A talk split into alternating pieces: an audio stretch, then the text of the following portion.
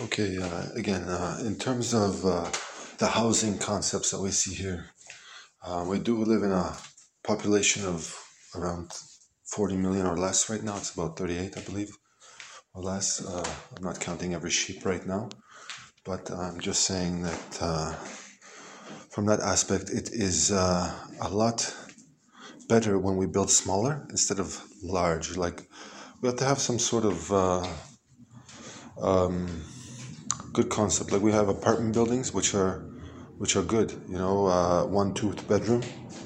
That's enough, right? Um, but uh, we sometimes want our own space. Um, so to see to see the housing concepts, it has to be smaller. I think smaller is a little bit wiser on Ish.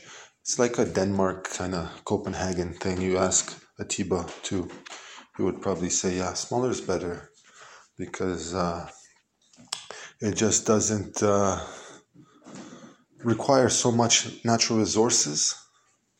You know, obviously, we think the birth rate is higher than the death rate.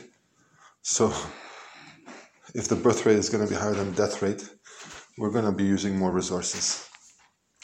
And uh, from that aspect, we have to think about it a little bit wiser in terms of how we construct and build. You know, we don't want mansion, mansion, mansion.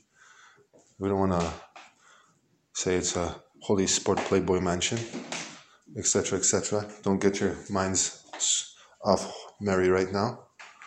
So, like I say, okay, think about it. Smaller is a little bit better than larger in that term because it's just. Uh, better for the human beings. Okay?